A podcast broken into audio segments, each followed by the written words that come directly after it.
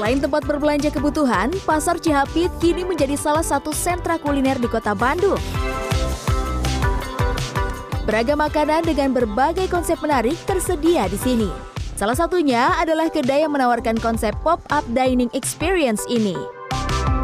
Sebelum bersantap, para pengunjung akan dibawa dalam tur singkat berkeliling kawasan Cihapit sambil mendengarkan secuplik sejarah area tersebut.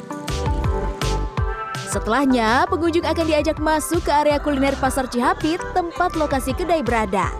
Hiruk pikuk suasana pasar tradisional menjadi latar menarik yang menambah keunikan pengalaman makan yang modern ini. Dalam satu sesi makan, kedai ini menawarkan tempat yang terbatas seperti halnya restoran eksklusif. Sesi makan berkonsep open kitchen, sehingga pengunjung bisa melihat proses pembuatan hidangan secara langsung sembari mendengarkan kisah di balik hidangannya.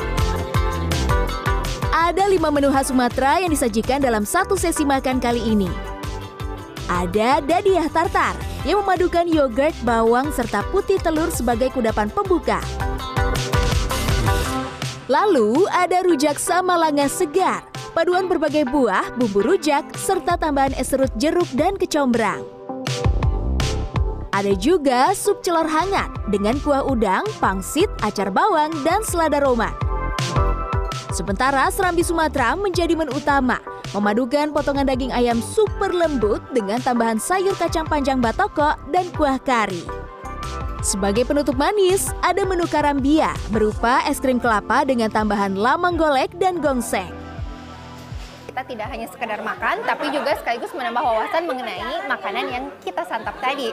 Dan dari lima menu yang saya coba, yang paling menjadi favorit untuk saya adalah dessertnya ini ya. Perpaduan dari es krim, ketan dengan parutan kelapa, menambahkan cita rasa gurih manis yang cocok sekali sebagai makanan penutup. Pengelola menyebut konsep pop-up dining experience dipilih sebagai perantara untuk lebih mengenalkan kekayaan kuliner Nusantara kepada masyarakat luas dengan tampilan lebih modern dan semi mewah. Nantinya menu akan terus berganti setiap tiga bulan. Satu sesi makan di tempat ini dibanderol dengan harga Rp385.000. Kenapa pilihnya di pasar? Karena pasar ini bisa didatangi sama semua orang, tidak ada sekat, tidak ada keseganan gitu, tidak ada gap uh, sosial dan ekonomi. Kalau misalnya teman-teman mau nyoba uh, menu ini, nggak cuman ada di restoran bintang 5 atau hotel bintang 5, tapi bisa datang ke tempat public space, seperti salah satunya di pasar. Kuliner lain yang juga ramai di dalam pasar Cihapit adalah kedai ramen ini. Aneka jenis hidangan mie ala negeri Sakura bisa dipilih mulai dari soyu yang bercita rasa gurih, miso yang bertekstur creamy, hingga kuah kari. Dalam pembuatannya, adonan mie direbus terlebih dahulu, kemudian ditambahkan kuah sesuai selera. Sajian ramen akan ditambahkan berbagai pelengkap sebelum dihidangkan. Untuk porsinya sendiri cukup besar, jumbo ini dan mengenyangkan sekali. Dan untuk kali ini saya memilih untuk mencoba ramen kari. Kalau dari segi rasa ini karinya cukup terasa gurihnya. Dan kita lihat sendiri juga ini menunya lengkap ya, ada telur, ayam, dan juga jamur sehingga membuat menu ini memang layak untuk dicoba. Satu porsi ramen dijual di kisaran harga 35 hingga 55 ribu rupiah.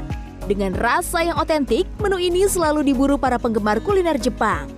Suasana makan di pasar yang berbeda juga menjadi nilai plus yang menarik pengunjung. Di pasar karena emang sesuatu yang baru ya di Bandung, e, belum banyak orang yang ke sini nyobain. Dan Rasanya lebih clean ya, lebih otentik gitu nggak sih? Lebih strong sih kalau buat saya. Biasanya kan kalau ramen-ramen yang di cafe di Bandung tuh agak-agak nggak begitu strong, tapi kalau di sini rasanya lebih jelas lah. Mungkin karena disesuaikan dengan lidah Indonesia kali ya. Berbagai kedai di area kuliner Pasar Capit ini rata-rata buka mulai pukul 10 pagi hingga pukul 6 sore. Laisa Nisa, Helmi Suryanegara, Bandung, Jawa Barat.